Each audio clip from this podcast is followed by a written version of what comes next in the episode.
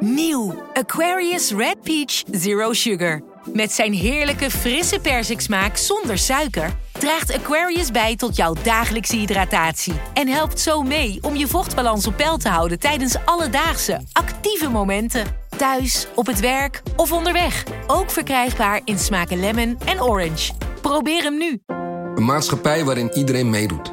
Een gezonde, groene en rechtvaardige wereld. Daar willen jij en heel veel andere mensen best iets aan bijdragen. In het klein en in het groot. Dicht bij huis en ver weg. Zo hebben we vorig jaar 349 miljoen euro bij elkaar gebracht. Miljoenen waarmee onze goede doelenpartners de wereld elke dag een beetje beter kunnen maken. Nationale Postcode Loterij. Samen voor een betere wereld.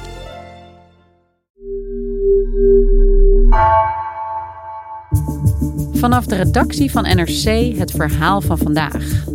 Mijn naam is Floor Boon.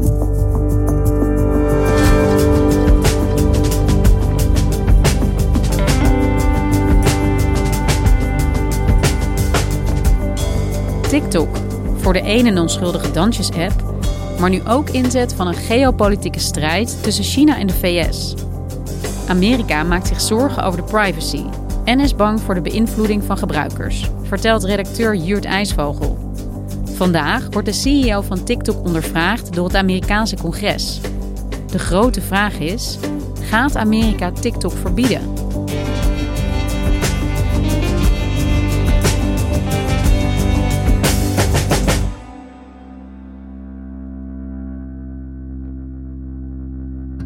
Stel je voor, we zijn terug in de tijd van de Koude Oorlog. Aan de ene kant het Sovjetblok, het communistische Sovjetblok, daar tegenover het Westen met Amerika. Dreiging hangt in de lucht. Kernwapens staan op scherp. Twee ideologisch en cultureel zeer verschillende machtsblokken. En stel je voor dat dan in die situatie Moskou hoofdstad van de Sovjet-Unie, de macht heeft om alle televisieuitzendingen in het Westen te verzorgen, uit te zenden.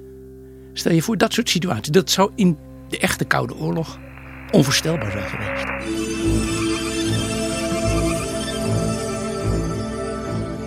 NOS, 6 uur journaal.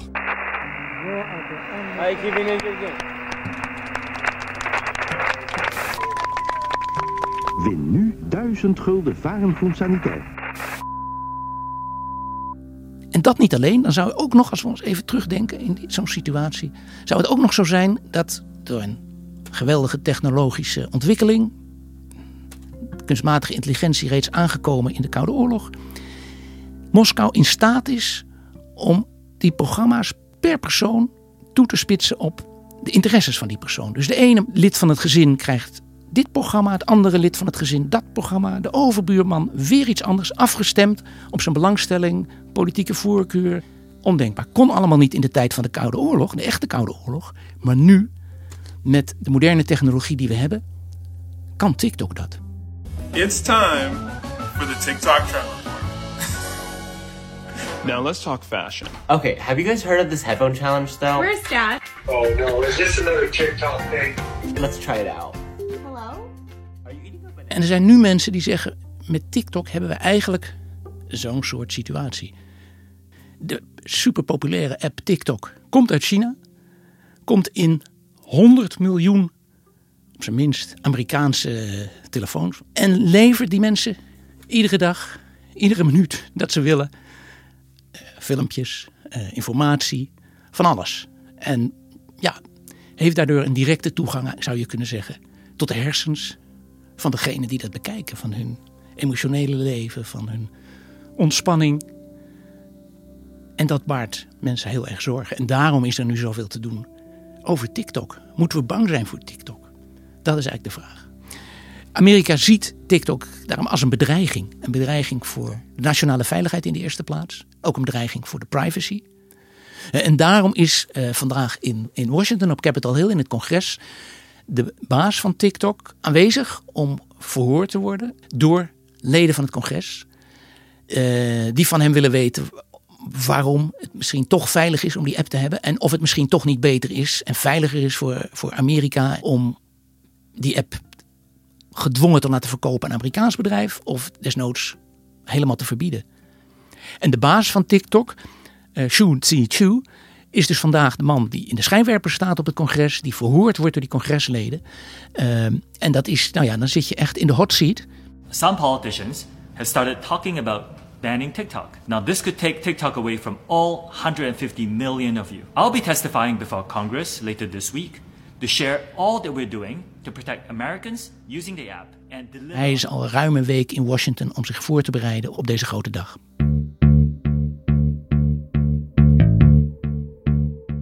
Ja, Jurt, om even te beginnen bij het begin misschien. Maar kun jij vertellen hoe TikTok uit is gegroeid tot zo'n ongelooflijk succesvolle app waar miljoenen, honderden miljoenen mensen gebruik van maken? Ja, TikTok heeft een aantal hele slimme dingen gedaan. Die app is anders dan sociale media waren als, als Insta of Facebook. Omdat wat je te zien krijgt op je TikTok-app is niet zozeer bepaald door wat je, wat je vrienden aanbevelen of liken of eh, delen. Maar het algoritme van TikTok de indruk heeft, dat leert heel snel waar jij aan blijft haken, wat jij interessant vindt, wat jij leuk vindt. En daar krijg je dan steeds meer van. En dat heeft een enorme ja, verslavende werking, zou je kunnen zeggen. Maar het is ook, ja, je wordt heel erg op je wenken bediend. Oorspronkelijk was het vooral ja, eigenlijk voor jongeren, dansfilmpjes, muziekjes. Uh, uh, ook allerlei praktische dingen, hoe je moet opmaken, hoe je brood bakt, uh, van, nou, grappige dingetjes. En in toenemende mate is het ook breder geworden en is er, is er ook serieuze inhoud. Uh, is het ook niet meer alleen iets voor, voor jonge mensen, maar ook ouderen. En zit jij op TikTok, Jeert? Ik zit op TikTok, jazeker. En wat leert dit algoritme ons over jou? Wat krijg jij van filmpjes te zien? Ik krijg bijvoorbeeld veel dingen over, over technologie te zien. Ik krijg dingen over politiek te zien. Uh, en dat is ja, soms goed, soms niet. Er zijn dus ook met de afgelopen verkiezingstijd uh, politici die ik veel meer te zien krijg dan me lief is. En nou ja, dan, dan scroll je gauw door. En niet alleen omdat je het niet wil zien, maar ook omdat je denkt van oh jee, maar dan denkt het algoritme dat ik daar meer van wil. En dat wil ik niet. Maar geen kattenfilmpjes voor jou? Nou, ik heb wel een zwak voor katten. uh, maar als je het zo vertelt, dan klinkt het eigenlijk heel erg onschuldig. En toch staat deze uh, enorm populaire app heel erg onder druk. Wat is er dan precies aan de hand? Ja, eigenlijk het allerbelangrijkste is denk ik in onderscheid tot andere apps dat het een moederbedrijf heeft wat uit China komt. Het heet ByteDance, dat is gevestigd in China. TikTok zelf is dat niet, maar de grote angst is dat de Chinese overheid ook toegang kan hebben tot allerlei data van TikTok-gebruikers over de hele wereld. In Amerika, in Nederland, waar dan ook. Uh, dat is een grote zorg. Want wat gebeurt er dan met die data als de Chinese overheid dat heeft? Kan dat op enig moment tegen ons gebruikt worden als de spanningen nog verder oplopen? Dat is één ding. De andere angst is, die app wordt gevoed met filmpjes. En dat maakt natuurlijk iedereen die op die app zit, die er naar kijkt, op een bepaalde manier gevoelig voor beïnvloeding. Als je inderdaad denkt in de Koude Oorlogstermen, dat in de tijd van de Koude Oorlog televisieprogramma's in het Westen bepaald zouden mogen worden door Rusland, uh, ja, dan is hier de parallel. Dat kan China bepalen wat wij te zien krijgen, wat onze kinderen te zien krijgen. En daarmee propaganda in onze timeline uh, stoppen. Uh, en kan het ook ja, eigenlijk onze hele houding in het leven beïnvloeden door jonge mensen bepaalde dingen te onthouden of juist extra veel te laten zien. Het gevoel dat het niet in veilige handen is als het in China, de geopolitieke rivaal, daar, uh, daarbij kan. Uh, ja, dat is ook een belangrijk aspect. Op welke manier beïnvloedt China gebruikers? Hoe gaat dat precies in zijn werk? Nou ja, dat is moeilijk te zeggen, want of daar nu al sprake van is. Kijk, interessant is dat TikTok in China kan je dat niet op je telefoon zetten. Voor China heeft ByteDance, het moederbedrijf, een andere app. Douyin. Dat is een app die misschien lijkt op TikTok, maar qua inhoud zich keurig houdt aan wat in China de regels zijn. Hè, eh, kritiek op het Chinese regime zal er daar niet doorkomen. Dat kan je op TikTok wel zien. Dus het is niet zo één op één dat je kan zeggen: TikTok dat is pure propaganda. Het gaat meer om de angst dat dat misschien zo zou kunnen zijn. En wat, wat krijgen Chinezen bijvoorbeeld te zien anders dan dat eh, de Amerikanen of Europeanen te zien krijgen?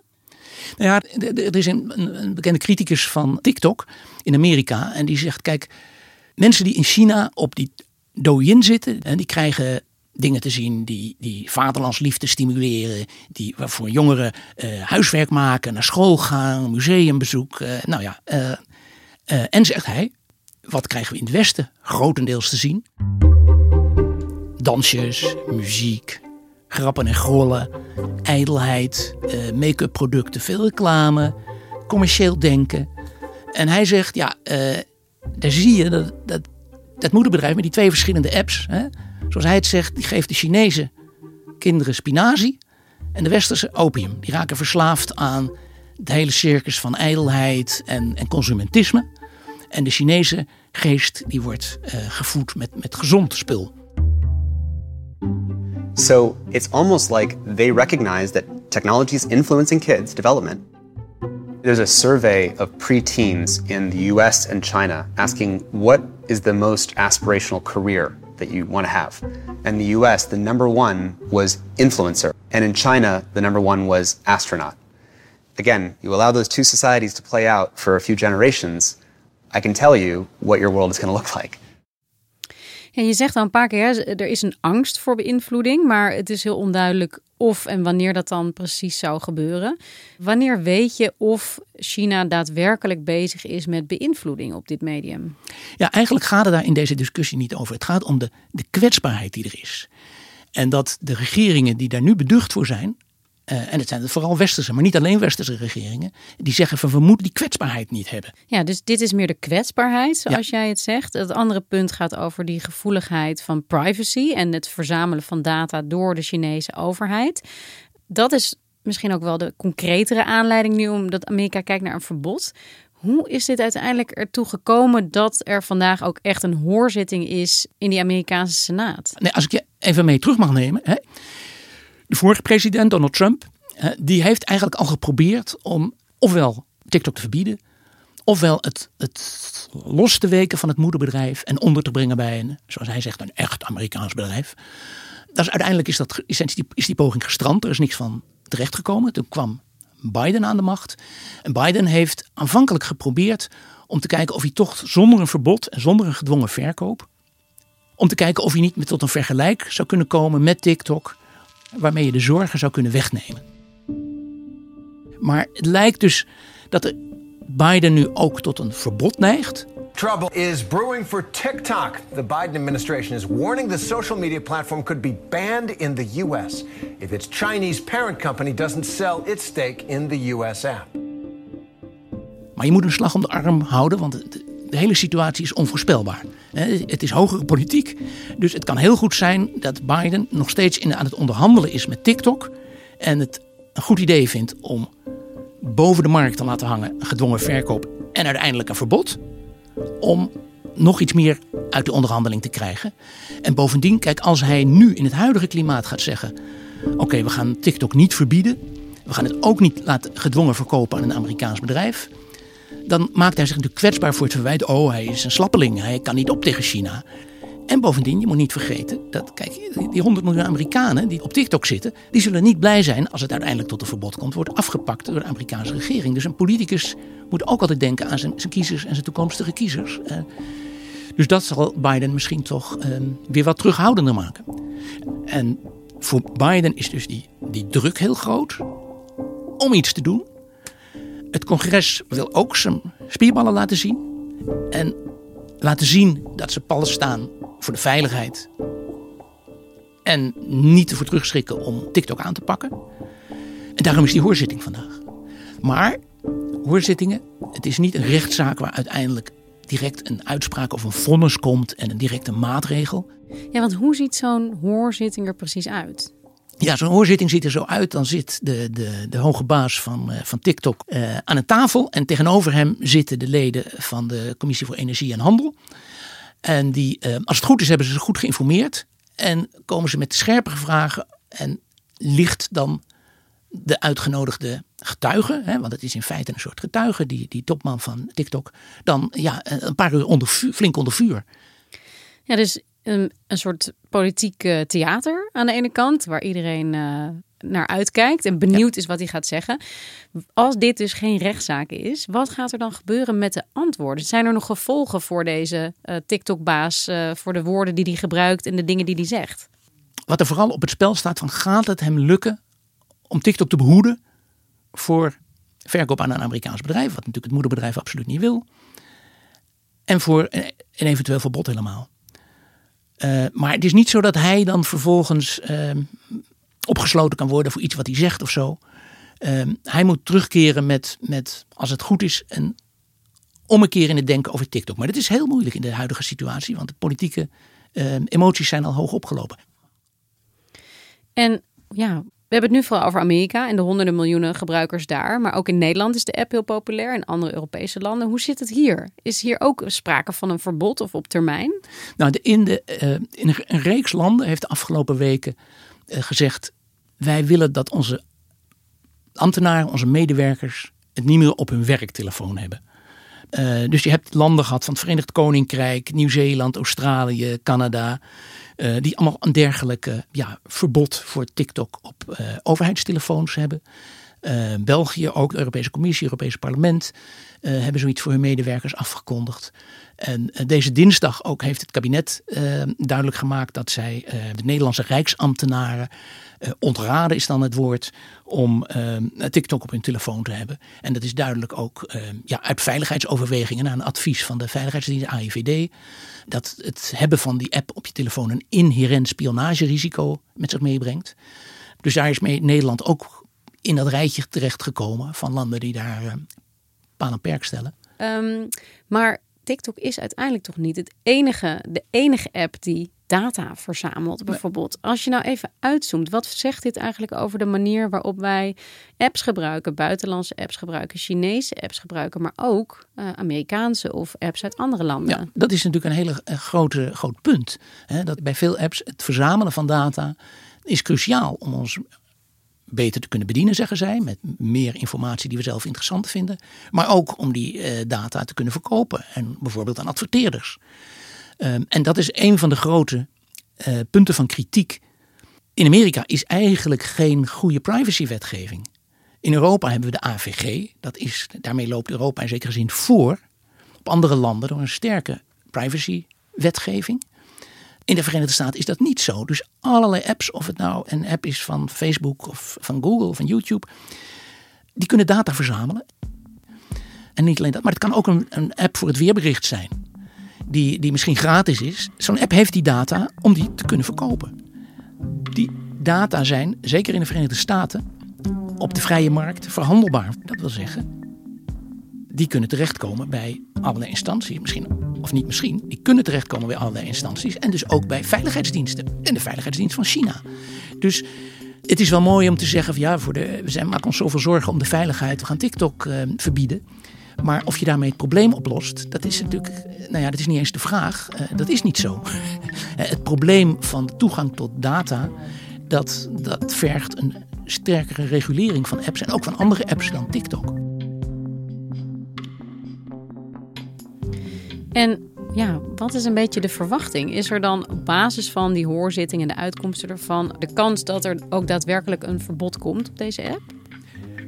Wat je in ieder geval nu al kan zeggen is dat de politieke spanning hierover zo is toegenomen in Amerika en eigenlijk ook door de maatregelen die in andere landen worden genomen, dat het steeds moeilijker wordt om te zeggen we houden het hierbij. We gaan geen verdere maatregelen nemen. Er, moet iets gebeuren om die, die onrust tot, eh, tot bedaren te brengen.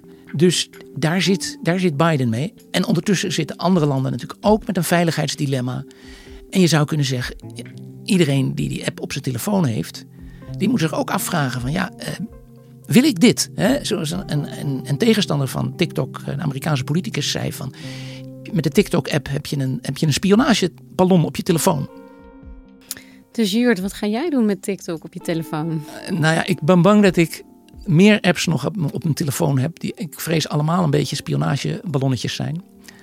Uh, en ik, ja, ik wil het voor mijn werk ook toch nog wel blijven volgen. Dus ik, ik hou er nog wel even op. Dankjewel, Jurt. Graag gedaan.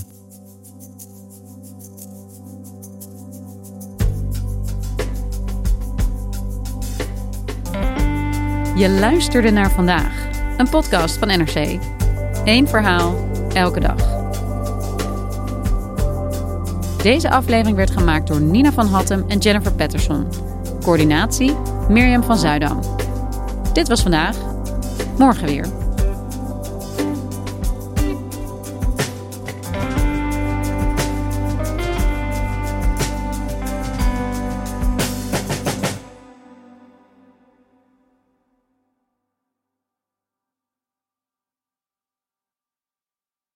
Je hebt aardig wat vermogen opgebouwd.